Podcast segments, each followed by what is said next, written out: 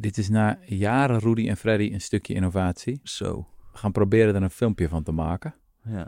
Dus uh, nou, netjes naar de kapper geweest natuurlijk. Mooiste truitje aangetrokken. Zongebronst hoofd gewoon. Lekker man. in Mexico. Ja, jij was op vakantie. Ja. ja.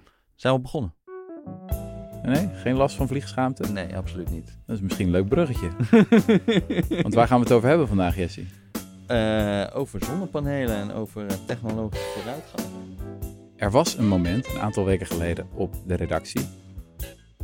Dames en heren, trouwe luisteraars van de Rudy en Freddy Show.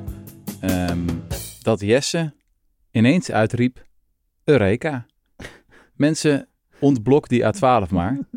Het hoeft niet meer, we zijn gered. nou, dat was min of meer jouw formulering. Ja. Jij bent de afgelopen weken, ik kan misschien zelfs maanden zeggen, in een soort van delirium terechtgekomen. Dat je helemaal wous bent geraakt van de ontwikkelingen in de wereld van zonne-energie. Ja. En um, daar ben je behoorlijk vrolijk van geworden. En ik moet eerlijk zeggen, wat je tot nu toe met mij gedeeld hebt, daar werd ik ook behoorlijk vrolijk van, ja. eerlijk gezegd. Ja. Um, waar zullen we dit aftrappen? Nou, ik, bij mij begon het gewoon omdat ik gewoon één, in een soort van Bloomberg-artikel, soort vaknieuws over zonne-energie, gewoon een soort één datapunt zag. Mm -hmm. Waarvan ik dacht van wow, dit is echt, dat is heel gestoord. Ja. Dus het belangrijkste ingrediënt voor zonnepanelen heet polysilicium. Ja. Dat is een soort van uh, hoogwaardig zand, wat je dan heel puur nou ja, silicium van maakt, waarmee je ook chips maakt en uh, nou ja, halfgeleiders en zo. Mm -hmm. En de afgelopen jaren was daar dus een enorm tekort aan.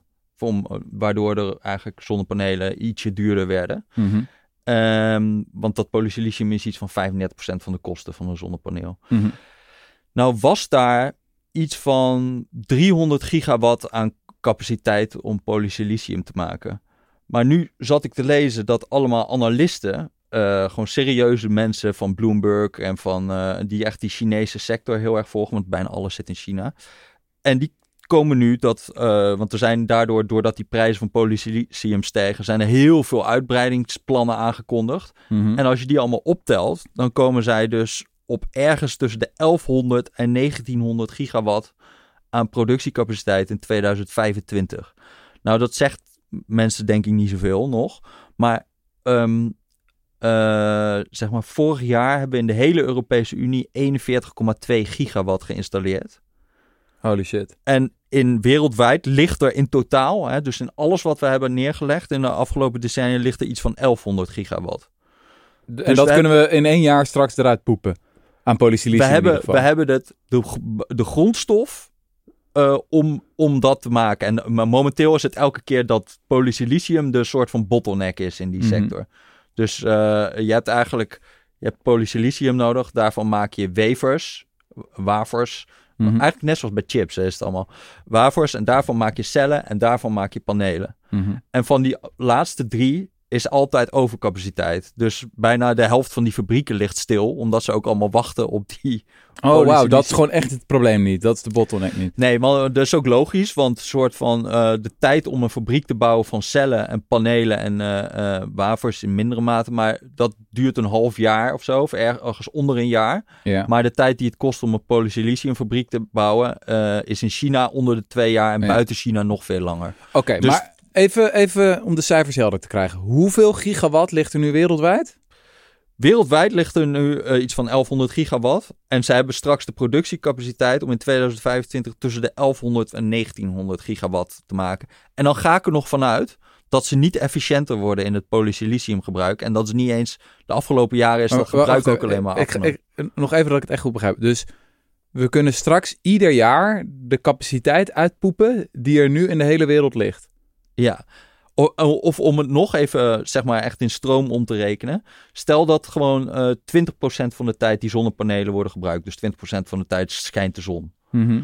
Dan levert, als je 1500 gigawatt aan panelen hebt, dus dat is een beetje het midden tussen die twee. Mhm. Dan levert dat evenveel stroom op als alle kerncentrales ter wereld. En dat kan je dan straks in één jaar maken. En eh, het is ietsje minder dan het hele stroomverbruik van Europa. Dus dat, en dat zou je in één jaar kunnen maken. De vraag is natuurlijk wel of we het geïnstalleerd gaan krijgen. Dus dat ze het in China kunnen maken is één ding. Maar of het allemaal, of het allemaal ook daadwerkelijk Ja. geïnstalleerd kan worden, dat is nog een tweede. Maar het, is zijn, het, zijn, het zijn wel echt cijfers waarvan ik echt stijl achterover sloeg. Dat ik echt dacht van wow, oké, eh, dit is echt gewoon Huh. van een geheel andere orde. Maar het is wel heel interessant. Ik was er wel van op de hoogte dat de prijs van zonne-energie natuurlijk radicaal omlaag is gegaan. Ja, In de afgelopen tien jaar ook al met 90% of zo. Echt krankzinnige dalingen. ja, Eh, en dat dat vooral te maken heeft met opschalen, opschalen, opschalen. Het blijkt gewoon goedkoper te worden naarmate de industrie groter wordt. Wat noemen ze dat? De wet van Wright of zo? ja, ja. Dat is op zich een bekend gegeven. Maar de hele tijd heb je toch het gevoel van dat moet een keer ophouden. Er moet Ja. een keer een bodem zijn. Ja, ja dat, is dus, dat is ook dus de, denk ik, waar... Want daar, nou ja, ik begon eigenlijk met dit, da met dit datapunt, maar dan ga je kijken van... Eigenlijk is dat, eh, is dus de hele tijd, heeft iedereen, zeg maar de veronderstelling die jij en ik eerder ook had, van dit gaat een keer ophouden. Ja, En dat, de- sterker nog, dat staat ook gewoon eigenlijk formeel in al die, eh, de IPCC-rapporten bijvoorbeeld. Ja. Als je naar die scenario's van hun gaat kijken, wat zij dachten dat de kosten van zonnestroom zou zijn. ja, het klimaatpanel van de Verenigde Naties. Ja, Die En- doen de hele tijd voorspellingen van wat gaat er gebeuren met zonnestroom. ja, Want dat is belangrijk, want dan kunnen ze al hun scenario's doorrekenen. Ze moeten weten wat gaat zonne-energie ongeveer kosten in 2025, in 2030, in 2040. ja. En dus als je bijvoorbeeld het, eh, eh, het meest gunstige eh, IPCC-scenario neemt uit 2014, Mhm. Eh, dan gaan zij ervan uit dat de installatie van een zonnepaneel in 2050 ongeveer 885 dollar per kilowatt gaat kosten. Maar in 2021, dus vorig jaar, eh, waren de installatiekosten al 820 dollar per kilowatt. Dus 30 jaar voor deadline. En dit is het meest optimistische scenario uit 2014. 2014, zo kort geleden nog ja, maar. ja, ja. Ja, en, Dat is echt fucking krankzinnig. ja, ja, dus Ze zitten er 30... ze 30 jaar voor deadline is het eigenlijk al dik gehaald. Ja.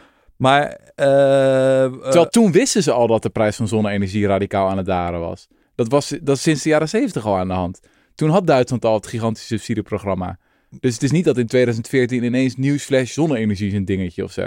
Maar toch waren ze toen nog steeds veel te conservatief. Ja, ja, ja. Maar dat is dus wel interessant. Als je dus gaat kijken onder de motorkap bij waarom, waarom wa- hoe kan dat nou dat die modellen er de hele tijd zo naast zitten? Want wat ze eigenlijk doen is, eh, je hebt dus die wet van Wright, wat jij net noemde. Hè? Ja. Dus dat, en die komt er eigenlijk op neer. Right, dat was een of andere pipo. Ja, dat is een soort van eh eh, aeronautisch eh, ingenieur uit de jaren 30. En die keek eens in zijn eigen vliegtuigenfabriek. Mhm. En die kwam eigenlijk achter, hey, elke keer als wij twee keer meer vliegtuigen hebben gemaakt, dan dalen de kosten met 10 tot 20 procent. Zoiets was het bij hem. Ja. En dat is, is de, dat fenomeen, hè, dat als je ergens meer van gaat maken, eh, dat je dan de kosten gaan dalen met een vast percentage. Ja. Dat heet dus de wet van Wright. Hm. Maar niet elke technologie heeft dezelfde soort van eh, ervarings... of zo'n eh, dezelfde exponent. Dus bij hem was het bij die vliegtuigen 10 tot 20 procent. Maar als je dus bij zonnepanelen kijkt... in 1957 hadden we eigenlijk het eerste zonnepaneel ooit... wat werd geïnstalleerd op een sa- satelliet. De Vanguard eh, 2, geloof ik. Mhm. En toen kostte het nog 354.528 dollar per megawattuur. En nu, vandaag de dag, is dat nog maar 48 dollar per megawattuur. Hm. Dus in 2021. Ehm, dus dat is echt met een factor 6500 of zo gedaald. Ja. En dat kan je dan gewoon eh, laten zien eigenlijk in een grafiek van hoeveel, eh, hoeveel hebben we nou gemaakt en hoeveel is die kosten gedaald. En dan zie je dus dat met 31,2% daalt voor elke verdubbeling van de productie. Oh ja. En dat is een soort van eh, vast ding. Nou, je, nou zou je kunnen zeggen, we nemen gewoon dat als uitgangspunt en we gaan dat extrapoleren naar de toekomst. Dan kunnen we eigenlijk gewoon gaan kijken van ja, hoeveel, hoeveel, hoeveel goedkoper gaat het nog worden. Mhm. En tot op zekere hoogte doen die IPCC-modellen dat ook wel. Alleen die bouwen elke keer een soort van vloerprijzen in. En dat zijn eigenlijk een soort van ja, ad hoc veronderstellingen. Gewoon ja, een beetje natte vingerwerk van... Nou, wij denken dat het echt niet lager kan dan dit. Hm. En wij denken dat het toch echt niet lager kan dan dit. Dus als je bijvoorbeeld... En is dat gebaseerd op technische inzichten? Hebben ze dan zonnepaneel-experts? Of is het meer van, ja, we willen ook een beetje conservatief rekenen?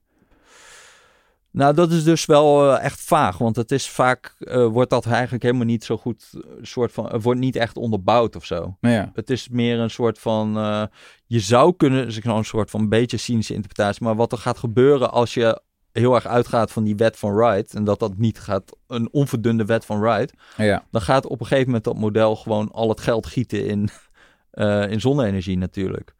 Dus dan, Oh ja, dus als ik, als ik het goed begrijp, je bouwt geen vloer in. Je neemt aan dat dezelfde trend voortgaat zoals sinds de jaren 50. Wat je dan krijgt is dat zonne-energie het hele energiesysteem opeet. Ja, en dan is ook gewoon een soort van. Nu is er heel vaak in die modellen, in ieder geval op, tot een bepaald punt, is het gewoon nodig dat je heel veel subsidie gaat geven en zo. Hm. Maar als je die wet van Wright, eigenlijk, als je eerlijk bent, op dit moment al, hè, dus dan nu kost het 48 dollar per megawattuur. Daarmee zij- is zonne-energie al veel goedkoper, niet veel goedkoper, maar het is goedkoper nu al dan eh, eh, de goedkoopste fossiele energiebronnen. Ja. Eh, en hetzelfde geldt voor wind. Dus ja, dan, dan, dan is wat dat betreft is die, is die subsidie bijna ook niet eens meer nodig. Het gaat Nee. gewoon vanzelf daarin. En dit is gewoon, dit is nog niet afgelopen, want fossiele energiebronnen worden niet goedkoper. Sterker nog, worden waarschijnlijk eerder duurder, ja, omdat we ze zwaarder gaan belasten. ja, En omdat we het leven van partijen als Shell zuurder gaan maken. ja. Ehm, terwijl dit wordt alleen maar goedkoper, goedkoper, goedkoper. Nou ja, en dat is dus wel het, een soort van waarin ik, waarin ik, eh, als je dus denkt over, over die, die wet van Wright, dan kan je ook gewoon gaan, eh, dan is eigenlijk zonne-energie is vrij uniek eh, onder de soort van elektriciteitsopwekkers. Dat, een zo'n, zo'n, eh, dat het met 31% per jaar of per, per verdubbeling Mhm. afneemt. Daarin lijkt het eigenlijk meer op dingen als televisieschermen of transistoren dan op zeg maar een kolencentrale of een Mhm. eh, kerncentrale of weet ik veel wat. Want al die, eh, al die zeg maar oude energiebronnen, elektriciteitsbronnen, die hebben helemaal geen, niet zo'n snelle leercurve. Sterker nog, helemaal geen leercurve meer. Mhm. En dat is ook bijvoorbeeld in de fossiele winning. Dus eh, eh, bijvoorbeeld is het goedkoper geworden om olie te winnen of om kolen te winnen of om gas te winnen. Gas is een beetje een ander verhaal. Maar als je kijkt bij kolen en bij olie, dan is het eigenlijk over een periode van 130 jaar zie je niet of nauwelijks een echt een trend neerwaarts of opwaarts Nee. in eh, wat het kost. Dus dat Nou, zijn twee effecten. hè. Dus enerzijds, ehm, we worden natuurlijk wel beter in boren en zo. Ja, Eh, alleen het zit steeds dieper. En die twee effecten heffen elkaar op. Dus je moet ook steeds dieper graven naar Ja, fossiele ja. brandstoffen. Vroeger stak je een speld in de woestijn en dan spuit het eruit. En nu moet je helemaal een offshore bo- boorplatform gaan optuigen en eh, hele ingewikkelde teerzanden afgraven en zo. Dus daarom wordt het ook eh, wordt het niet per se goedkoper. En daarin, Nou, kernenergie is ook nog wel interessant. Kernenergie is zelfs duurder geworden. Dan zullen de, hoe zeg je dat, de nuclear bros, dat is heel hip in bepaalde hoeken. Nou, wij hebben ook wel eens wat aardige dingen over kernenergie gezegd in deze podcast. En het is ook wel een beetje irrationeel dat de groene beweging zo anti-kernenergie is. ja, Maar goed, als je dan zeg maar rationeel en realistisch bent, dan is het heel hip om nu te zeggen, ja, kernenergie, dat is, dat is juist gaaf. Weet je wel, de VVD gebruikt het ook om linkse mensen te trollen. Van, oh, we gaan twee kerncentrales Ja. plaatsen. Ehm, terwijl het eigenlijk duurder is geworden. Wellicht deels door strengere regulering. Maar zelfs als je dat niet zou hebben, je gaat niet die leercurve krijgen van zonne-energie. nou dat is dus wel Of, het interessant van waarom, waarom is nou zo'n zonnepaneel zo heel erg anders? En een van de redenen is dat het gewoon extreem eh, modulair is. Dus het is gewoon een zonnepaneel is gewoon een klein ding. Het is een product, het is geen project, zeg Mhm. maar. Een kerncentrale is een enorm project. Dat is het Rijksmuseum verbouwen. Ja, bij, nou, Ja. nog, wel, nog wel een stukje erger. Ja. En al die on- heel veel onderdelen die allemaal ehm, eh, zeg maar eh, bespook zijn, om maar een net woord te gebruiken. Mhm. Dat is hartstikke leuk als je een tweetjasje wil. Maar dat is niet zo leuk als je een enorme elektriciteitscentrale wil bouwen. Dan heb je allemaal dus eenmalige eh, onderdelen nodig. Die Mhm. allemaal op maat moeten worden gemaakt. Met allemaal bouwvakkers die misschien één keer dat project doen en geen leereffecten hebben. Terwijl bij zo'n zonnepaneel, dat is... Dat zijn er gewoon nu al miljoenen, miljarden van gemaakt, zeg Ja. maar. Nou, even het steelmannen van kern, kernenergie. Wat ze nu natuurlijk zeggen is dat we met kleinere kerncentraletjes, wat noemen ze toch ook modulaire Ja, kerncentrales, SMR, gewoon Ja. eh, Small Modular Reactors. dat ze dat wel zouden kunnen doen. Het punt is alleen natuurlijk dat het rijkelijk laat is. En natuurlijk mag je, mag je helemaal de groene beweging de schuld van geven. Maar het punt is, ja, we zijn in 2023. Voordat je weer op die leercurve bent met modulaire kerncentrales, met kleine reactortjes, dat gaat wel even duren. En ondertussen gaat zonne-energie gewoon door. Ja, Toch? ja, ja. ja, dus nou ja, dat is, dus dat is gewoon eigenlijk als je, het- als je het even, even los van soort van de hele onleefbare planeet en, en weet ik het allemaal, gewoon denkt van oké, in welke energietechnologie moet je nou investeren? Dan, kan je, dan is het heel belangrijk dat je kijkt van welke dalen in kosten. Mhm. En dan, dan zie je dat zon eigenlijk de afgelopen tien jaar eh, met een factor 10 al is gedaald. Mhm. Dat kerncentrale eigenlijk over de afgelopen 40 jaar alleen maar duurder is geworden. Dat de gemiddelde kostenoverschrijding van, een, eh, van een kerncentrale zit ook ergens op 100% geloof ik. Ja. Laatst een heel interessant boek over megaprojecten. Mhm. Waarin het eigenlijk gewoon, eh, nou ja, ik geloof alleen dat de Olympische Spelen het nog slechter doen dan kerncentrales. maar in principe, al die projecten worden alsmaar gewoon duurder. Ja. Dus je vraagt je wel een beetje af van, oké, wat is nou, eh, vooral voor rechtse partijen die zich toch vaak in de mantel hullen van, eh, wij zijn de energierealisten en al die groene romantici, en, eh, die moeten even hun bek houden, we gaan nu naar kernenergie. Van, ja, ik, je krijgt toch een beetje het idee dat dit een beetje hele dure energie-identiteitspolitiek is, maar dan van rechts, zeg maar. Mhm. Van het enige wat er een beetje voorspreekt is de soort van fuck the hippies vibe. ja, ja, ja, ja. Maar ja, en ik, en ik ben ook wel van, eh, van als alle kerncentrales die er staan, laat ze in, eh, open. En heel veel bezwaren die zijn geuit over veiligheid en zo zijn, denk ik, zwaar overtrokken. Mhm. Maar op kosten is het eigenlijk gewoon wel moeilijk te zeggen waarom we dat nu nog gaan doen. Ja, ja. Ja. Ja, dat is wel fascinerend. Even nog terug naar die voorspellingen, hè? want het is niet alleen het IPCC, maar het is ook het Internationaal Energieagentschap, die voortdurend de groei van zonne-energie onderschat. We hebben in Nederland een energieanalist, expert Auke Hoekstra, die maakt al heel lang zo'n Ja. grafiekje, Ja, ja, ja. die er echt wel verbluffend uitziet. Misschien moeten we die er ook even bij plakken in het artikel bijbehorend van de podcastaflevering, want ja. ja, je slaat gestel achterover. Het is gewoon elke keer zitten ze ernaast. Elke keer veronderstellen ze een bodem. Elke keer zeggen ze het houdt een keer op. En het houdt niet op. Het Ja. gaat gewoon door. Je zou wel echt denken van, weet je wel, wanneer leren ze het een keer? ja. Dit gaat gewoon door. Ja, ja, ja, ja. Ja, want daar heb je dus de, de ze hebben een soort van groot rapport, de World Energy Outlook. En de Mhm. World Energy Outlook die gaat dan, die maakt inderdaad voorspellingen over, nou ja, ze zeggen zelf geen voorspellingen, ze zeggen altijd scenario's. Eh, omdat zij gaan niet over het beleid natuurlijk. Maar ja, goed, het is wel een beetje raar als elk scenario er altijd één kant op naast zit. Ja. Ehm, want zelfs in hun, zeg maar, zelfs als je dan in de World Energy Outlook van 2010 kijkt, als je dan het meest ambitieuze klimaatscenario neemt, dan dachten zij dat er in 2020 ongeveer 138 gigawatt aan zonne-energie zou staan opgesteld. En dat was, werd uiteindelijk 710 gigawatt. Dus Ja. dan is bijna, zeg maar, zeven keer daarnaast. Eh, ja, dat is niet best. Nee, en het en hoeft en dat is in het meest ambitieuze klimaatscenario. Hè? Ja. En dat is sowieso wel opvallend. Ik vind dat ook. Ik zit nu. Die IPCC hebben nu ook een eh, soort van scenario database. waarin je al hun scenario's. die daar bij het IPCC zijn ingediend. kan, Mhm. kan lezen. En ook al die veronderstellingen erachter kan zien. Maar. Daar zit eigenlijk in die ambitieuze klimaatscenario's zit gewoon vooral heel erg veel eh, eh, CCS en zo. Mhm. Dus heel erg veel, we gaan CO2 onder de grond opslaan. Maar ehm, kijk, wat, je, wat ik zou verwachten is dat als je een heel, heel erg optimistisch klimaatscenario hebt, dat je dan bijvoorbeeld optimistisch bent over hoe snel die kosten dalen van, eh, van zonnestroom. Ja. Maar of je nu eigenlijk de middenscenario's neemt of de optimistische scenario's, die gaan ongeveer allemaal uit van dezelfde kosten voor zonnestroom. ja, dat is heel raar. Dat is wel, Ja. want, want dan, dan komt dus bijna al je optimisme komt eigenlijk van beleid.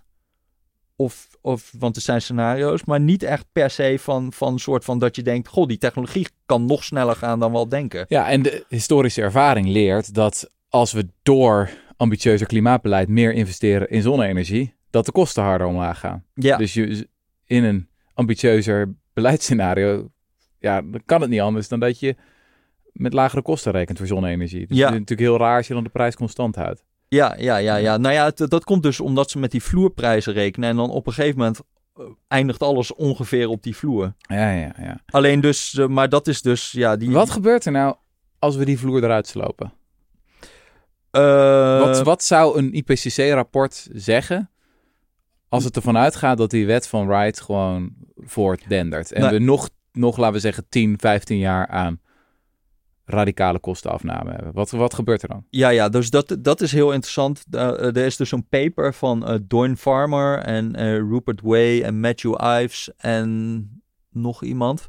Maar die... eh, Ja, eh, ik, ik, heb, ik, heb meteen, ik weet meteen wie je bedoelt. maar goed, die zetten we ook in de show notes. Ja. Maar die hebben een paper en dat heet Empirically Grounded Technology Forecast and the Energy Transition. En wat zij eigenlijk doen is dus voor al die grote belangrijke technologieën voor de energietransitie, dus windmolens, zonne-energie, batterijen, eh electrolyzers, dus om van stroom waterstof te maken, kijken ze eigenlijk van wat leert nou de ervaring, hoe snel die in kosten dalen.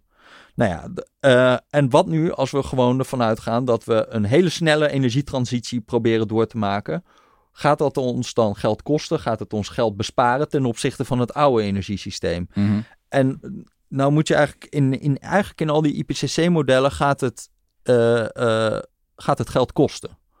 Dus eh, bijvoorbeeld, we zijn volgens mij ehm, in een soort van middenscenario gaat het eh, wereldwijde BPP in 2050 ongeveer 2,6 tot 4 pro- 4,2 procent lager liggen. Dus Hm. dat is iets van 4,3 biljoen dollar tot 7 biljoen dollar. Dus Mhm. dat is best wel veel geld omdat gewoon het nou eenmaal goedkoper is om, eh, om een soort van gas uit de grond te halen en dat te verbranden dan dat je met zonnepanelen en windmolens gaat werken. Mhm. Denken zij. Maar als je nou gaat rekenen met, ehm, eh, met, die, met die wet van Wright en je Ja. trekt dat gewoon door, dan komen zij juist uit op eh, een soort van besparingen van 24 biljoen dollar. Mhm. eh, in het soort van eh, middenscenario. De, en dit is, da- dat is ook nog belangrijk om te zeggen, zij kijken alleen maar naar wat zijn nu de besparingen ten opzichte van fossiele energie. Dus ze kijken niet naar, want wat de ervaring ook leert, is dat als elektriciteit of energie goedkoper wordt, dan krijg je vaak veel meer economische groei. Het maakt allerlei dingen mogelijk om te doen die we eerder helemaal niet konden. Mhm. Eh, die, eh, de bottleneck is heel vaak, vooral in de wereld van atomen, Mhm. is gewoon eh, de kosten van energie. Ja. En als, we nou, als het nou werkelijk zo gaat zijn dat die stroom straks bij wijze van spreken 10 euro per megawattuur wordt, of 5 Mhm. euro per megawattuur, of het wordt echt heel absurd, dan kom je in een hele rare wereld terecht, waarin in één Ja. keer al, allerlei dingen mogelijk worden die eerder totaal onmogelijk waren. ja. Dat, dan wordt science fiction werkelijkheid. Ja, en, dan, en, da, en die baten zitten nog niet eens in hun, eh, in hun eh, sommetje van die 24 biljoen dollar. En dan ook nog eh, niet de klimaatbaten. Hè? Want Hm. dat is eigenlijk wat, wat vaak. want je kan wel zeggen, het gaat heel veel geld kosten om een ander energiesysteem te hebben. Maar dan is eigenlijk de, de baten, die zijn altijd veel groter in termen van, ja, Ja. van de schade van klimaatverandering. Ja. Hoewel die baten vaak wel pas na 2100 en zo Hm. komen. Dat wist ik Hm. ook niet helemaal. Maar daar, Hm. de grootste schade komt dan. Dus even om dit concreet te maken. Als dit doorgaat, dan gaan we gewoon gigantische velden van spotgoedkope zonnepanelen krijgen. Op allerlei plekken. Ik stel me dan voor, weet ik veel, de hele Australische woestijn typen we vol met zonnepanelen. Daar zetten we een vloot aan gigantische elektrolysers naast. Die scheten enorme hoeveelheden waterstof uit. En dat het gewoon niet echt meer een ding wordt. Dat ook zelfs waterstof is relatief inefficiënt natuurlijk. Je verliest be- behoorlijk wat energie bij het omzetten van stroom naar waterstof. Maar dat maakt er allemaal niet meer uit. Omdat we er toch in zwemmen. Ja, dus nou ja, kijk, dat is dus wel de vraag van of dan waterstof of zo. Kijk, als, als elektriciteit zo goedkoop wordt, dan wil je het liefste natuurlijk alles elektrificeren. Want Ja. elektriciteit zal altijd goedkoper zijn dan waterstof, Ja, omdat waterstof allerlei conversieverliezen heeft. ja. Eh, maar eh, ja, in principe maar is het nog steeds dan mogelijk goedkoper dan, eh, dan huidige fossiele bronnen. Huh. Je hebt allemaal van die start-ups. Ja, ik weet niet in hoeverre dat toekomstmuziek is, maar die denken, die zitten nu al eh, een beetje eh, te anticiperen op dat die prijs nog verder omlaag gaat. Mhm. En die denken dat er wel een prijspunt is waar het eigenlijk eh, rendabel kan worden om gewoon ehm, CO2 uit de lucht te vangen, waterstof te maken. En eigenlijk al die atomen weer aan elkaar te gaan knopen en een soort van aardgas met e-methanol te maken. Hm. Dus dan ga je aardgas niet meer uit de grond halen, maar uit de lucht winnen. bij wijze van spreken. Lijp. En dan, ja, dan, ja, dat is, dan, dan, dan heb je, gebruik je ook geen CO2, want Ja, dat haal je ja, uit de lucht. ja, heel interessant. Ja. En dan wordt het wel echt een beetje een rare wereld. Ja, je komt echt in een rare wereld. hè. Ik zat nog een keer dat boek te lezen waar we het laatst ook over hadden van G. Stores Halls, Where's My Flying Car? Ja, Dat hij die, die voorspellingen bekijkt hè, van science fiction in de jaren 50, 60. En alles wat weinig energie kost, dat is min of meer uitgekomen. Mhm. Dus internet, communicatie over lange afstand, weet je wel, en- videobellen, al die, al die shais. Maar wat energie kost, niet. Sterker nog, we zijn sinds de jaren 70 minder energie gaan verbruiken. Omdat we veel energiezuiniger zijn geworden. En bovendien, dat was ook een van de speerpunten natuurlijk van de groene beweging. En, en heel goed en heel terecht. Alleen we zijn, zeg maar, die droom van veel meer energie verbruiken. En wat er dan mogelijk wordt, die zijn we een beetje kwijtgeraakt. Bijvoorbeeld vliegende auto. Vliegende auto's kosten gewoon heel veel energie.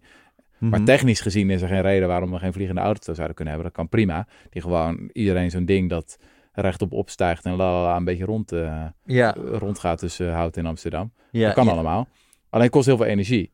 Ja. Eh, is, de, ja, is, is dat dan ook de, de dingen die kunnen gebeuren als je, als je gewoon op die curve blijft? Ja, dat denk ik wel, ja. Of eh, ja, dat, zou, dat is ook natuurlijk wel een beetje subliem ironisch. Dat dan een soort van eh, de groene beweging met een soort nadruk op minder, minder, minder toch vaak. Dat, dat die dan een eh, soort van energierevolutie hebben ontketend Ja. met al die zonnepanelen en zo. Die straks misschien juist voor meer, meer, meer gaat zorgen. Ja, heel Veel meer. Ja, ja. ja, laten we die geschiedenis ook even induiken. Want dat vond ik ook echt een... Hoe zeg je dat? Een mind-boggling puzzelstukje van dit verhaal. Want zonne-energie is dus uitgevonden in 1954. Ja, Dus of het is eigenlijk veel, veel eerder dat het, dat het eh, fenomeen van... eh, eh, ja, ik, ik moet eerlijk zeggen, ik snap die wetenschap, snap ik ook daarachter Mhm. niet zo heel goed. Want ik bezit helemaal niet in mijn natuurkunde. Maar eh, het fenomeen was al wel duidelijk. Dus maar het- Einstein toch, foto-elektrisch effect. ja, ja, dat, je, soort dingen. Dat, ja. dat je dat begrijpt. Maar goed, tijdlijn, jaren Oh, 50. jij zit er wel lekker in. Ja, zeker. Jaren 50. Ja, sowieso. Foto-elektrisch effect. Vriend. Hey, ja, je weet toch? nee. Heeft hij de Nobelprijs voor gekregen? Oh, oké, ja. Gewoon eh, licht, stroom. Boom. ja. ja. Zo werkt dat. Foto-elektrisch effect. Ehm, jaren 50, eh, eerste zonnepaneel. Maken ze bij Bell La- Labs. Ja. Eh, dan is het nog takken duur. Wordt er ook niet heel veel in geïnvesteerd. Nou ja, dus eh, in de ruimtevaart. Eh, Ja. Want dat, dat, dat is nog best wel een grappig verhaal. Dat ze dan eh, voor het eerst zo'n heel duur zonnepaneel op die satelliet eh, plaatsen. En die zit dan echt nog jaren na dato zit die radiosignaal uit te zenden. En eigenlijk de hele, ja. hele airwaves te vervuilen met allemaal gekwetter wat niemand meer wil horen. Omdat Ja. dit zonnepaneel het wonder boven wonder nog veel langer doet dan iedereen had gedacht. Wat grappig. Dus daar, eh, daar wordt dan eigenlijk bij NASA en zo wordt er nog heel erg aan ontwikkeld. Ja. Uh, maar niemand heeft dan nog het idee van, goh, daar kunnen we een soort van op het stroomnet iets mee doen. Sterk nog, in die tijd was natuurlijk kernenergie echt gewoon helemaal het volgende ding. Mhm. Dus toen ja, was iedereen dacht dat. Dat gaat dat ja, ja, ja. worden, Dus je hebt allemaal van die verhalen van too cheap to meter. Ja. Hè? Dus dat je op een gegeven moment, je ga je niet eens meer kijken naar, eh, naar je energierekening, omdat het gewoon eh, meer gaat kosten om geld te innen voor de energierekening dan dat het. Ja. eh, zo, dat was een beetje de gedachte in de jaren 50, 60 en zo. Ja.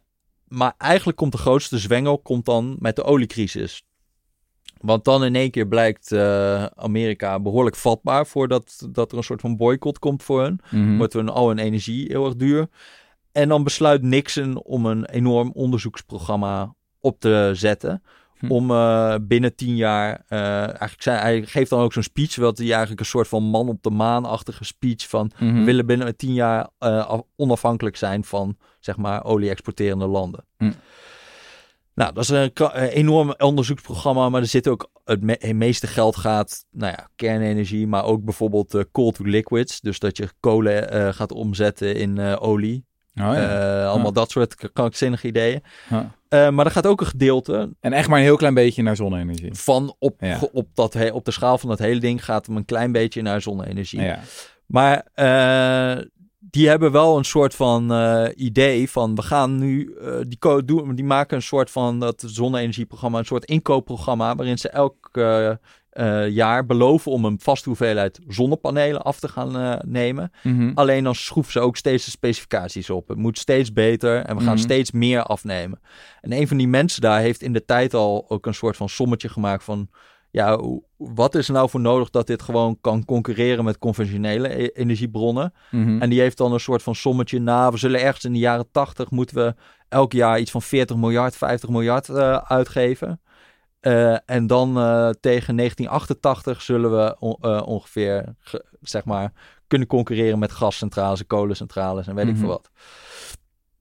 Eh, dat is allemaal nooit doorgegaan, want dan op een gegeven moment wordt president Reagan eh, verkozen. En Mhm. die, eh, die decimeert gewoon dat hele budget voor die zonne-energie. Decimeert Oh, ja. die. We gaan 90%. Zoveel moois gebracht, hè, die man. ja, heel veel moois gebracht. 90% wordt het gekort, eh, de, de begroting. En de, die Carter, Jimmy Carter had nog een paar zonnepanelen op het Witte Huis geplaatst. Die worden ook gewoon afgevoerd. Oh. En, en, maar de grap is wel dat dus uiteindelijk dat sommetje van die man op zich wel klopte. Alleen is het niet Amerika in de jaren 80, maar Duitsland ongeveer 20 jaar later. Aan Japan in de jaren, Japan in de jaren 90, Duitsland in de jaren 0. Ja, die ja, uiteindelijk ja. wel dat leergeld gaan betalen om het, eh, eh, om, het- om het helemaal goedkoop te gaan maken. Ja, want dat verhaal moeten we echt even vertellen. Dat is mijn lievelingsverhaal in deze hele transitie.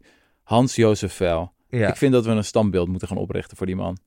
ja. Gewoon een ambtenaar. Even een foto van hem opzoeken. Dan zie je een beetje een dikke vent ja. met een kale kop ja. en een markante neus. Echt zo'n lekkere neus. Duitse gemeenteraadspoliticus. Ja, Begin jaren 90, die bekend staat als de Solar Freak. ja. Helemaal wild van zonne-energie. Koopt peperdure dingen. Zet hij op zijn huis. Een soort van hobbithuis is dat. Dat ook helemaal overgroeid is door gras en zo. Gras en zonnepanelen. ja. En eh, iedereen eh, ja, kent hem in de buurt. Ja, Hans, Hans Jozef. Dat is die gek met die zonnepanelen. En op een gegeven moment weet hij de lokale gemeenteraad te overtuigen van wij gaan even subsidie uitdelen hier. En niet een beetje subsidie, we gaan veel subsidie uitdelen. Ja. En dan ook op een hele irrationele manier via het stroomsysteem.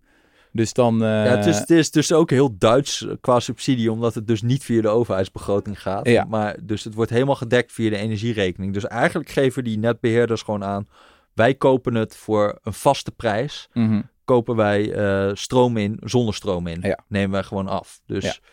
Eh, En andere stroomverbruikers moeten daar dus voor betalen, want hun rekening gaat Ja. uiteindelijk omhoog. Het zijn Ja. de fossiele stroomverbruikers die betalen voor de groene stroomverbruikers. Eh, Nee, het zijn alle verbruikers die het betalen. ja, allemaal. Ja, je Ja. betaalt allemaal samen. Maar ja, En- goed. En in de praktijk is dat natuurlijk een beetje oneerlijk, want het zijn vooral hoogopgeleide, rijkere mensen die die zonnepanelen kopen. Ja, neem klopt. ik aan. En dat wordt gesubsidieerd door de rest. Maar op zich, kijk, eh, als het op de schaal gebeurt van eh, die Hans-Jozef Vel in één gemeente. Niemand, niemand gaat zoveel zonnepanelen aanleggen dat dat een substantieel ding wordt. Maar Hans Jozef Maar had grotere plannen. ja, ja, ja. Want dan in, in, ik geloof 98, dan wordt die Groenen gaan dan voor het eerst in de regering zitten. ja. Eh, en zij weten dan eh, een wet eh, in te voeren waarin eigenlijk dit systeem wat op lokaal niveau dan Ja. heeft gewerkt, een Op teruglever voorstel van Hans Jozef, hè, die heeft dat hele plan geschreven. Ja, er is samen nog een met ook sociaaldemocraat. Ja, ja, maar het oorspronkelijke idee is wel echt van, komt, komt van hem. Om het, die terugleververgoeding zo eh, in, te, in, te, Ja, in te voeren.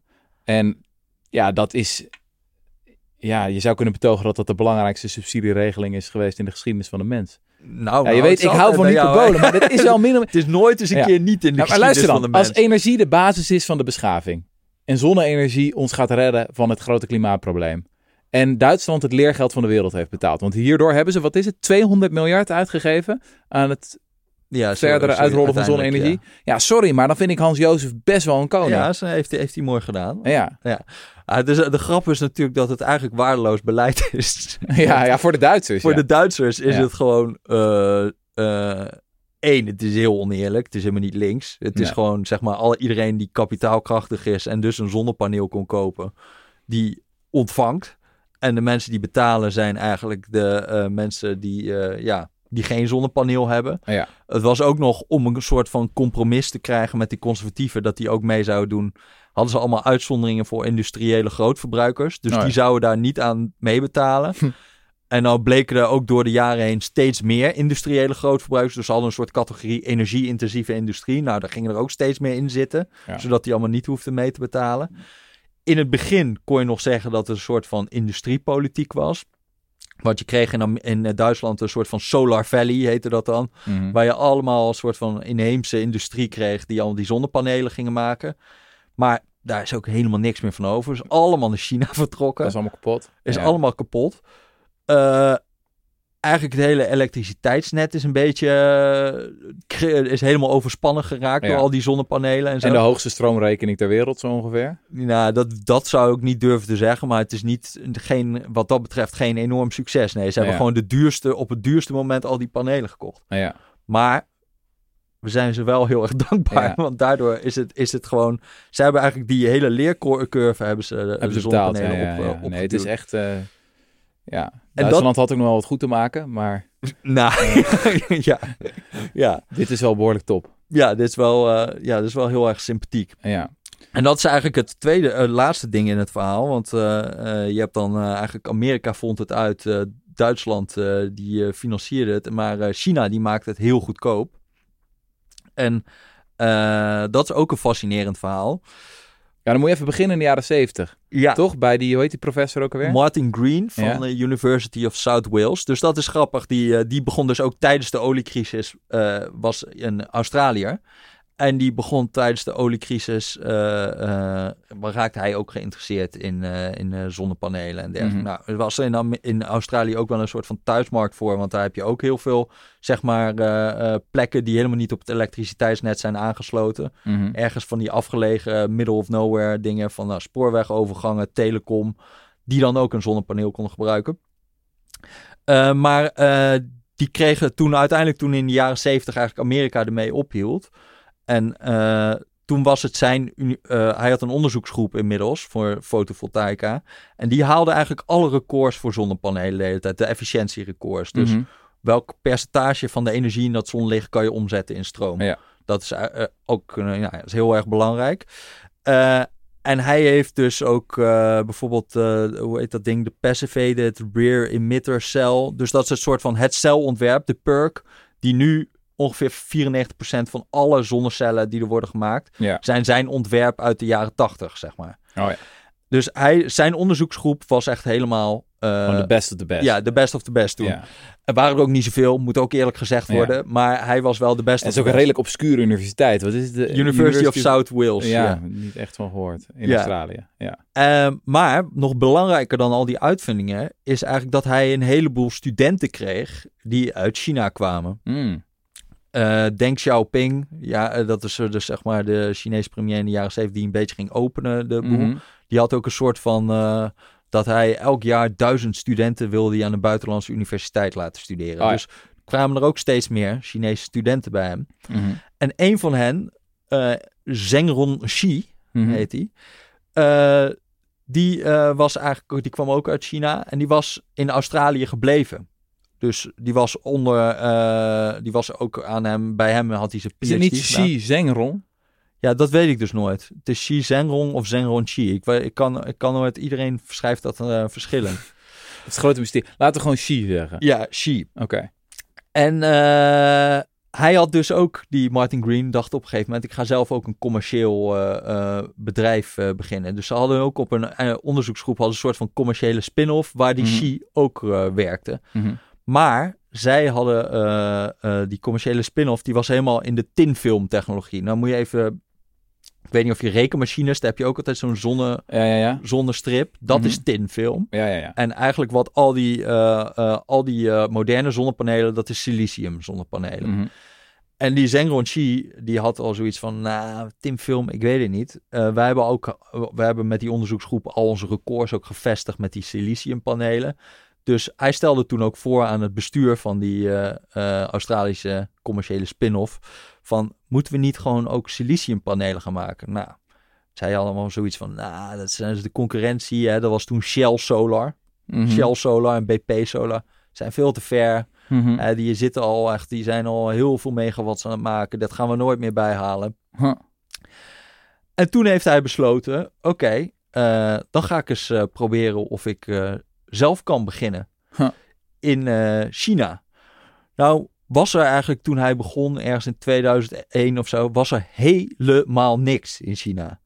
Dus er was niet, er was gewoon, er was geen industrie voor zonnepanelen. Huh. Maar hij heeft daar toen met hulp eigenlijk van die Australische eh, onderzoeksgroep. En eh, zijn ze gewoon de hele wereld in een jaar lang zijn ze die overgevlogen. Om allemaal oude afdankertjes van de halfgeleidersindustrie. Allemaal machines en zo te kopen. Ja. Tweedehandsjes. Weet ik het wat. En ehm, toen is hij een bedrijf begonnen, Suntech.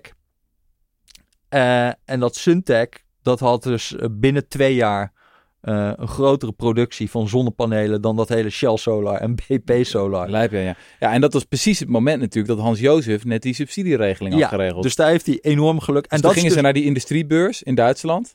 Ja, dus, die, uh, dus uh, zeg maar, hij was, de, hij was ook, nou ja, hij sprak Engels. Ja. En hij was dus als enige Aziatische ondernemer eigenlijk op zo'n in, grote industriebeurs in Duitsland. Ja. Aan de vooravond van dat die subsidies nog eens werden uitge, uitgebreid. Met een PhD van een Australische universiteit die de beste onderzoeksgroep is in de fotovoltaïca. Ja, ja. Kortom. Ja, en, die, en toen Ja. heeft hij dus, uh, uh, toen, toen wist hij al die panelen af te zetten. Nou ja, hij dacht groeien, groeien, groeien. Toen werd hij ook nog, uh, maar, oh ja. Hij, Hij is een beetje de Elon Musk eigenlijk van de zonne-industrie. Ja, dus echt, Ja. als je die cijfers ziet van hun, echt elk jaar ongeveer verdubbelde die productie. Het is echt krankzinnig hoe snel dat ging. Ja. En, eh, maar toen heeft hij dus uiteindelijk, want hij had dus om, om die fabriek te beginnen, eh, had hij een soort, uiteindelijk een soort van kolonelachtig figuur, een soort militair figuur, Chinees figuur in eh, de gemeente van Wuxi, geloof ik, Mhm. gevonden.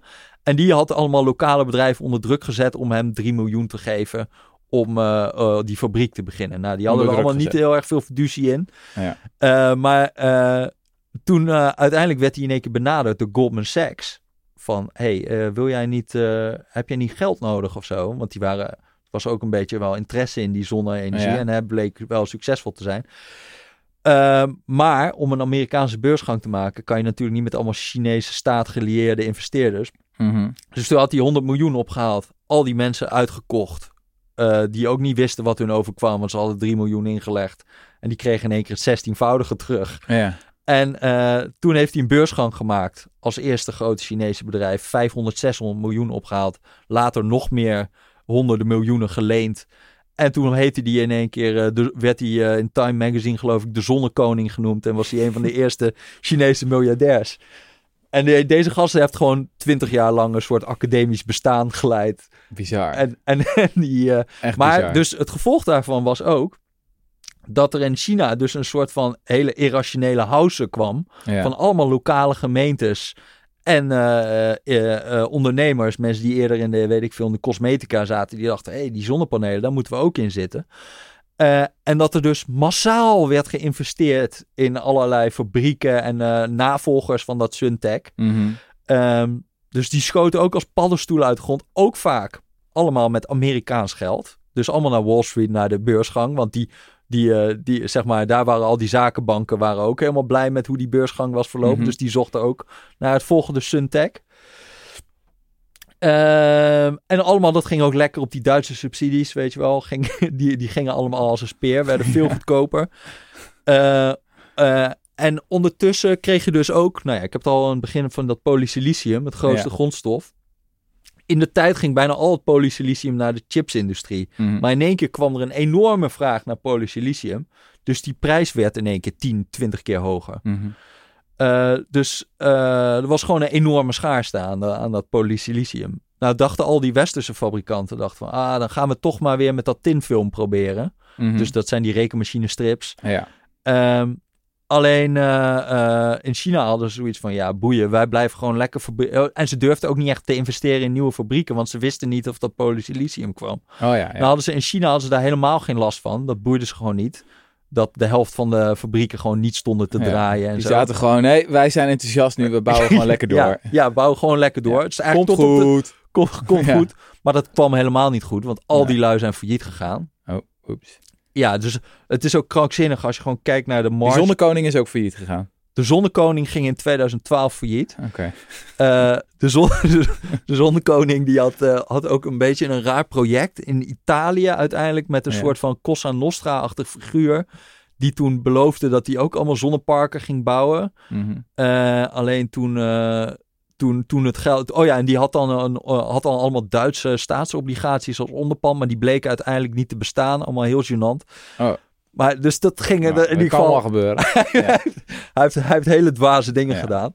Mhm. Maar hij heeft dus wel gewoon zo'n hele, die hele industrie in China uit de grond gepompt. En het is echt wel krankzinnig. eh, misschien ook wel licht zorgelijk afhankelijk van hoe je erin staat. Mhm. Maar inmiddels is bijvoorbeeld van wafers is geloof ik 95% wordt in China gemaakt. Eh, van polysilicium 70, 80%. Van de cellen, ik geloof ook 80 à 90. En de zonnepanelen ook zoiets. Het is wel een fascinerende geschiedenis. Dus eh, die, hoe heet die auteur? Greg Nemet, die de, zijn ja, dus How. Solar Got Cheap. Ja. Dus, eh, dat is een boek. Die zegt eh, ik- de Amerikanen hebben het uitgevonden. eh, de Duitsers hebben eigenlijk de opschaling van de technologie gefinancierd. Ja, En de Chinezen hebben het gebouwd. ja. De Amerikanen verzonnen te- technologie, de Duitsers ma- maakten een markt en Ja. de Chinezen maakten het goedkoop. Ja.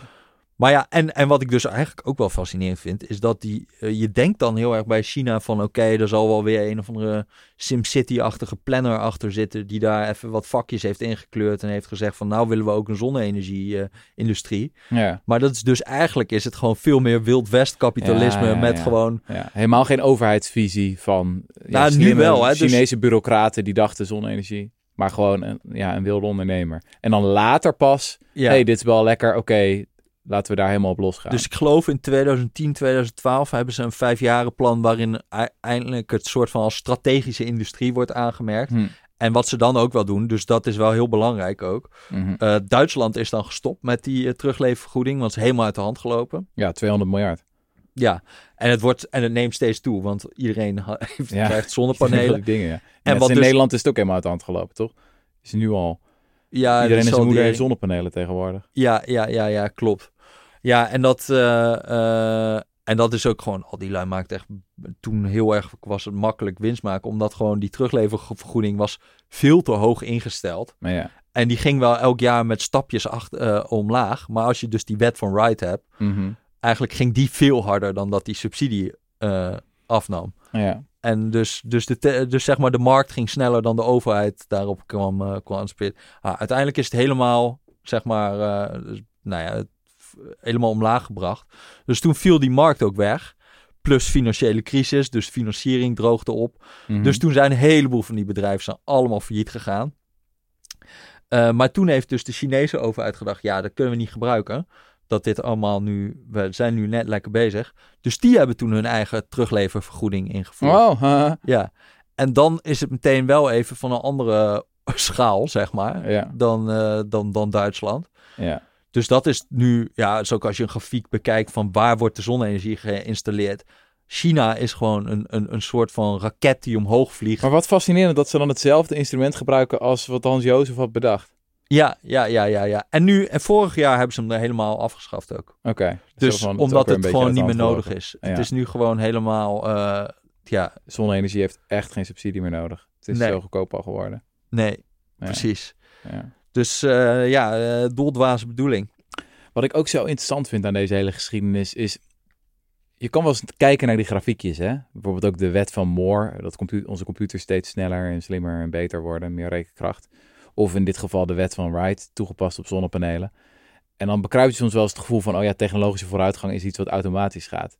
Terwijl als je dan onder de motorkap kijkt... Dan zie je echt een doldwaze geschiedenis... waar een paar personen echt een sleutelrol hebben gespeeld. Ja, Ik bedoel, ik zou niet de gok willen wagen van eh, een wereld waarin Hans Jozef onder de trein eh, was gekomen en, eh en Xi eventjes een hartaanval had gekregen of zo. Ja, je weet niet hoe het was gelopen. Ja. Sterker nog, misschien is de Hans Jozef van de jaren 60 wel onder de trein gekomen en hadden we zonder die, of met die Hans Jozef, hadden we veel eerder goedkope zonne-energie gehad. Want het had veel eerder gekund in principe, zoals die gast in de jaren 70 voorspelde. ja, ja. ja als we ja. er toen fors in hadden... Sterker nog, als, we niet, als Reagan niet aan de macht was gekomen, Ja. dan had het misschien veel sneller kunnen gaan. Ja, dat, is, dat vraag je je ook heel erg af. Van als, eh, want uiteindelijk zegt die wet van Wright...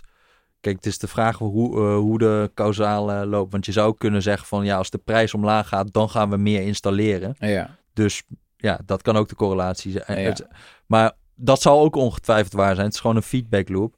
Maar omgekeerd is... eh, je hebt wel een heel interessant experiment, namelijk dat eh, die, eh, eh, ook die mensen van dat paper, die hebben ook gekeken naar de Tweede Wereldoorlog. Mhm. Wanneer je dus in één keer zegt, we gaan heel veel tanks bestellen, of heel veel van dit Ja, bestellen, ja. of heel veel van dit bestellen. En dan is het eigenlijk, daarin zie je ook heel erg die wet van Wright in één keer. Wat wel suggereert dat het van capaciteit, de causaliteit ook loopt van capaciteit naar prijsdalingen. Ja. Maar inderdaad, het zou ook veel eerder hebben gekund. Waarschijnlijk. Ja. Alleen eh, eh, dat, is, eh, dat is toen niet gebeurd. Ja. En we hebben gegokt op de verkeerde technologie, wat kernenergie is. Ja, sorry, het spijt me. Ik vrees, ik vrees dat. Kijk, wat je heel erg afvraagt van. Eh, in hoeverre is dat die. Want als je zeg maar de kostencurve van dat kernenergie bijvoorbeeld kijkt, dan zie je dat het in de eerste jaren heel erg afneemt. De eerste Ja. 20 jaar. En dan in één keer maakt het een omslag. Ja. Omstreeks de jaren 80, dat het alleen maar duurder wordt. En niet in één plek, maar overal, min of meer, toch? Ja, sommige Ja, landen weten het ook- stabiel te houden. Japan en Frankrijk weten het aardig stabiel te houden. Korea. Ja, maar je hebt niet een, een, een curve naar beneden. En Nou dat ja, vind ik dan ook altijd als mensen heel erg beginnen te klagen over regulering of zo. Of het komt door die stomme linkse mensen. Dan denk ik, oké, maar als dat echt zo is, waarom zie je het dan op zoveel verschillende plekken tegelijkertijd? Ja, dat is volgens mij wel een soort van wereldstandaarden die je hebt. Dus dat zou kunnen, Oké, dus het ligt aan Davos, aan de mondiale Ja, of elite. de World Nuclear, weet ik veel wat. Ja. Een, ene eh, atoomagentschap. Maar, ehm, maar dan nog is het een beetje, zeg maar, dan is het op welke termijn. Want stel dat, het, stel dat een technologie leert met 10% per jaar, maar Mhm. de e- andere technologie leert met 31% per jaar. Dan is het een kwestie van tijd voordat het gewoon wordt ingehaald in Ja. principe. En dat is wel met die zonnestroom eh, heel erg aan de hand, zeg maar Mhm. het gaat zo, het, het leert zo enorm snel en het lijkt ook niet te eindigen. Ja, Dat het gewoon echt, eh, ja, het gaat gewoon alles verslaan. ja. Dan eh, er blijven wel natuurlijk gewoon alle bekende nadelen. En daar is dan een beetje de vraag van, als je zegt van ehm, hoe meer je installeert, hoe goedkoper het gaat worden. En blijkbaar kunnen ze in China straks eh, eh, 1500 gigawatt per jaar aan panelen bij wijze van spreken bouwen Mhm. kunnen wij dat ook kwijt ergens? We hebben nu in Nederland al. Nou, dat in Nederland niet in ieder geval. Ja, maar wat ik dus denk, eh, dat er op een gegeven moment, omdat het zo goedkoop is, dat je ook manieren gaat vinden om, om dat grid heen te werken, zeg maar. Dus dat ze proberen om. ehm, eh, ik had er laatst zo'n podcast van Volts, ken je dat? Ja? En er was een gast die, eh, die maakte. David Roberts is dat. Ja, David Een hele Roberts, goede ja. klimaatjournalist. Ja, Ja, hele goede. En, die had, en er was een gast die eh, maakte voor industriële warmte. Had hij een soort van hittebatterij. Dat was Mhm. eigenlijk een, een, een. Ik kan het niet helemaal reproduceren hoe het, we- hoe het werkt. Maar het was gewoon een, een brok steen. Eh, en daar had hij dan een paar snoeren in gezet. En dan eigenlijk als die stroom leverde. Dan werd gewoon die, die- dat steen gewoon extreem warm gemaakt. Mhm. En dat ging bijna zonder energieverliezen. Dus het was allemaal warmte. Eh, en die kon je dan gebruiken op het moment dat je het nodig had. Dan- Dan kon je er weer stoom uit krijgen of zo. Dus Mhm. maar dat soort dingen. Hij zei ook van ja, je kan die hittebatterij, kan je gewoon een zonnepark neerzetten. Zo'n hittebatterij erbij. En dan heb je, hoef je helemaal niet aangesloten te zitten op het Mm, eh, mm. elektriciteitsnet, Ja. zeg maar. Ja, interessant. En, dan, en, Ja. en, en, en hij zei van dit is ook een soort van vorm van. ehm, omdat voorheen het eigenlijk altijd goedkoper was om warmte direct te maken van gas of van kolen of weet ik veel wat. En niet via elektriciteit naar warmte. Mhm. En nu kom je net op dat omslagpunt Ja. waar straks het gewoon goedkoper gaat worden om, warm, om vanuit elektriciteit dat te gaan doen. Ja. Eh, waar ook nog allemaal technologie kan gaan ontstaan, Ja, zeg maar. Dit zijn ze ook allemaal nog niet echt eh, een beetje onontgonnen terrein. En ik zou er zeker niet tegen gaan gokken, zeg maar. Nee, nee, nee, nee, nee. Allerlei dingen worden rendabel die nu echt nog niet rendabel zijn. Als die kosten maar verder Ja. omlaag, omlaag, omlaag gaan. Ook met opslag en zo. Ja. Dat, dat, de, eh, zeg maar nu, iedereen zit nu heel erg nog op dat waterstof als een soort van, dan weten we dat dat kan en dat dat werkt en dat dat, eh, maar ja, het liefst doe je natuurlijk dingen die helemaal niet eh, een conversieverlies hebben van eh, 50 of 60 of 70 procent. Ja. Dus dan, dan ga je dit soort dingen doen. Ja, ja, Dus ik zou daar best wel, Ja. Hey, maar nog eventjes de implicaties voor klimaatverandering. ja. Die, die auteurs die je aanhaalt, die zeggen daar toch ook iets over? Die, eh, die van die empirically grounded assessment, bla bla ja, bla. ja, ja. Dus zij, Wat betekent het nou? Gaan we de 2 graden halen? Eh, als, we, we- denken even de, de bodem in de zonneprijs weg. Weet je, we nemen gewoon simpelweg aan dat wat er gebeurd is sinds de jaren 50, dat dat, dat, dat doorgaat. Mhm. Wat gebeurt er dan? En eh, wat betekent dat voor... Ja, dus zij, is- hun punt is heel erg van eh, ja, de, dus, eh, de, de gemoedsmuziek die de hele tijd draait. De, de achtergrondmuziek is gewoon heel erg somber. Terwijl het eigenlijk gewoon erop lijkt dat het, dat het best wel haalbaar is. De, eh, En wat is haalbaar? klimaatdoelstellingen. Dus nou ja, anderhalf graad wordt wel lastig. Dat moet, moet gewoon wel, zeg maar, het kan. Maar dat wordt gewoon in alle scenario's lastig. Maar als je alleen dit neemt, hè, dus, en dit gaat alleen over het energiesysteem. Een heel groot gedeelte van CO2 is ook landgebruik. Mhm. Dus daar zeggen zij in principe niks Nee. over. Maar als je alleen dit nam, dan hadden zij al, ik geloof van nu zitten we op 40 gigaton eh, uitstoot. En dan ga je naar iets van eh 10 of zo. Hm. En dan moet je dus nog landgebruik is voor de rest. Ja. Even Ja, de bio-industrie nog afschaffen niks over, niks over te zeggen verder. Ja. En dan, en dan hebben zij nog niks over soort van. Want dat dat zit in, dus in al die modellen. Dat je op een gegeven moment. eh, dat je ook weer CO2 uit de atmosfeer gaat. Ja, halen. dat is natuurlijk ook. Dat wordt dan ook rendabel, want dat is nu peperduur.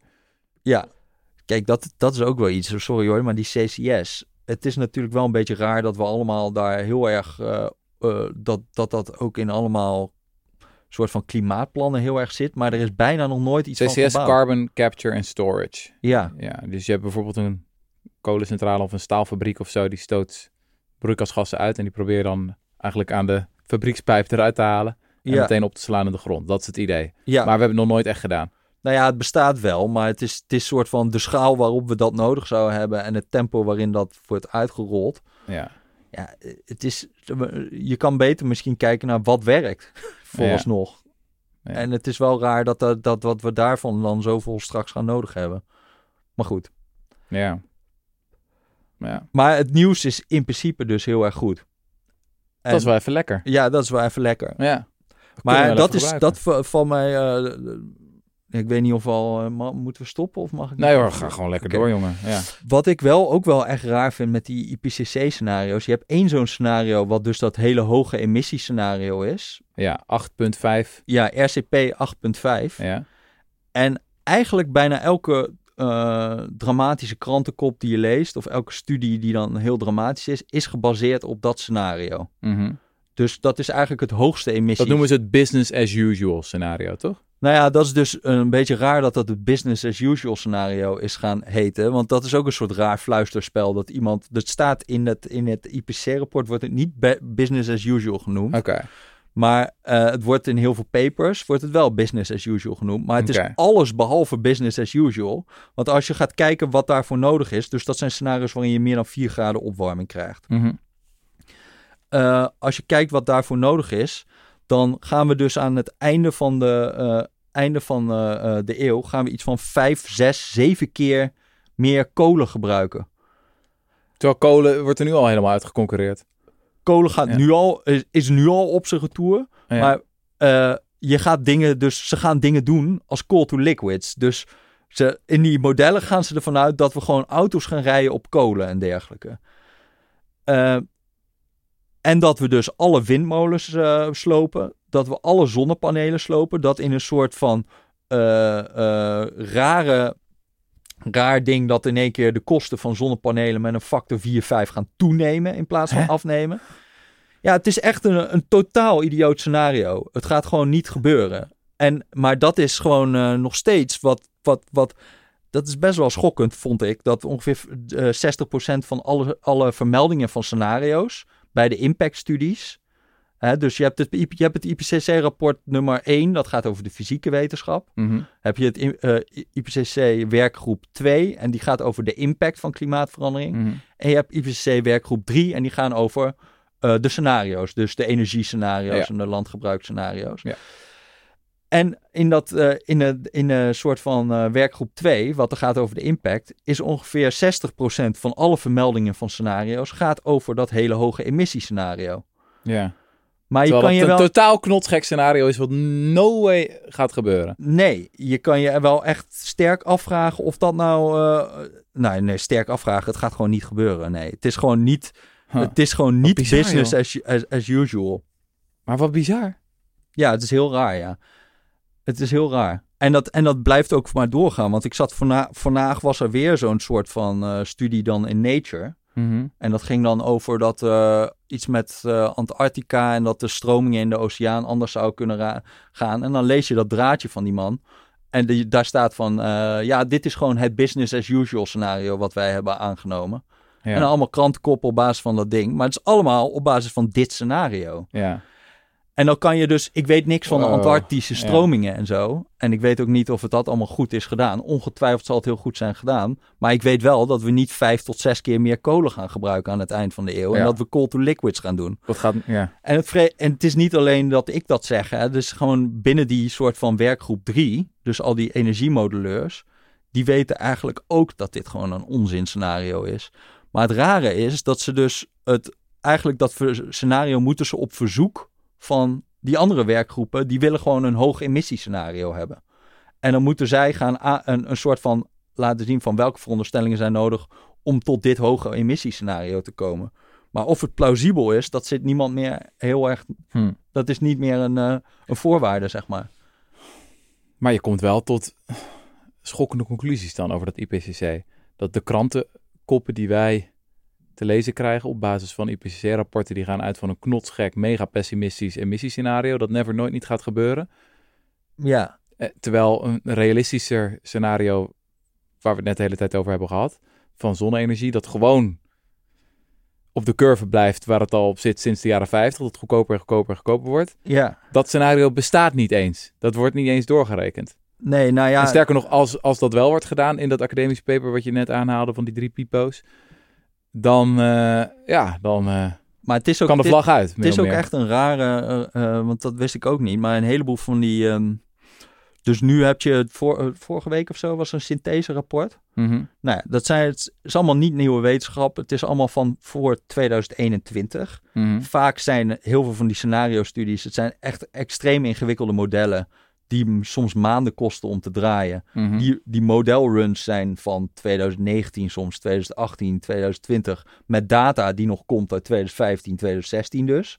Ja. Dus het is gewoon, het loopt echt wel zes, zeven jaar makkelijk achter wat Ja. je vandaag de dag leest. En dat maakt bij die technologie ja, vooral, Dat is een eeuw in de wereld van technologie. Ja, dat maakt- een millennium. maakt, maakt echt heel erg veel uit. Ja. Dus, dus het, ja, het loopt wel behoorlijk eh, achter. Maar ik snap ook niet, toch ook niet helemaal waarom, eh, waarom er oh, zoveel pessimisme is over die zonne-energie en zo. Of nou ja, ik, ik vind het heel raar dat als ik in die, dus in die database kijk, dan is op dit moment ehm, was al, ik geloof 55% van alle scenario's had hogere kosten eh, in 2030 dan het nu al zijn.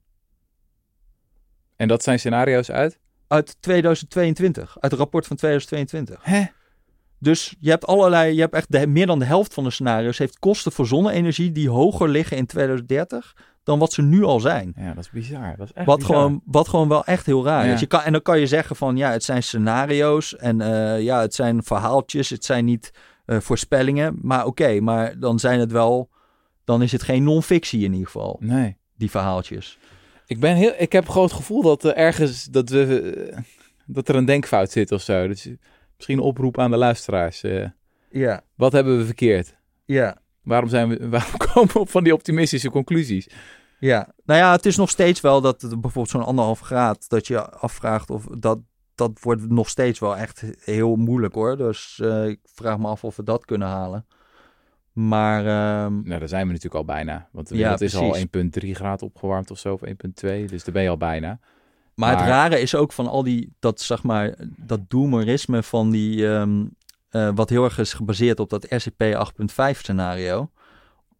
Eigenlijk nu proberen ze bij het IPCC en zo echt dat ietsje te downplay. Vooral in die werkgroep 3 van, ja, dat is geen realistisch scenario. Iedereen weet dat, dat dat geen realistisch scenario is. Er zijn echt papers over die echt totaal vernietigend zijn voordat dat Ja. geen realistisch scenario is. Ja, ja. Maar het is heel moeilijk, één, om die geest in de fles te krijgen. Zeker in de publieke perceptie.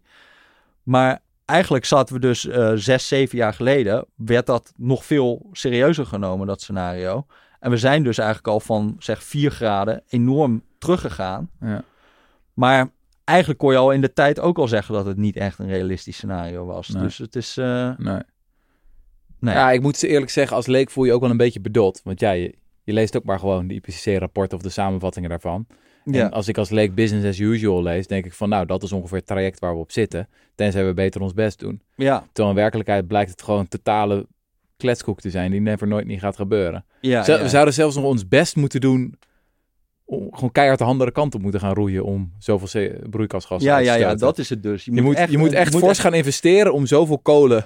Ja, ja, ja. te gaan. En al het klimaatbeleid Ja. gewoon per direct a- Ja. eh, schrappen, zeg maar. Het is gewoon... Dan zou je echt gewoon een zwart rechts moeten hebben. Een hele beweging die zegt van we willen zo snel mogelijk naar de tyfus als Ja, mensheid. Om, om RCP 8.5 We willen niet kunnen ademen. Ja. Ja, ja, ja, ja. Eh, Jesse, ik vond het weer hartstikke interessant. Dus eh, lekker gedaan. Je moet het ook nog even optikken, denk ik. Ja, dat ga ik ook doen. Dat lijkt me de moeite waard. Ehm, wij zijn er binnenkort weer. Sterker nog, wij gaan een podcast doen. Met Marnix van Rij. Ja, dat is wel bijzonder gegaan, moet ik zeggen. Want jij eh, deed een oproep in de show. Ja. En toen kreeg je gewoon een appje van zijn assistent. Dus we ja, dachten van, dit doet, net als met... Uh, Diederik Samson gaat het anderhalf jaar duren, maar... dit ging, het ging bijzonder wel geregeld. Ja. ja. Oké, gaan we even inlezen. Ja. Ehm, beste luisteraars, Vond je dit nou een mooie podcast? Word lid. Word lid. Decorrespondent.nl slash word lid. Ja. kies. Daarbij.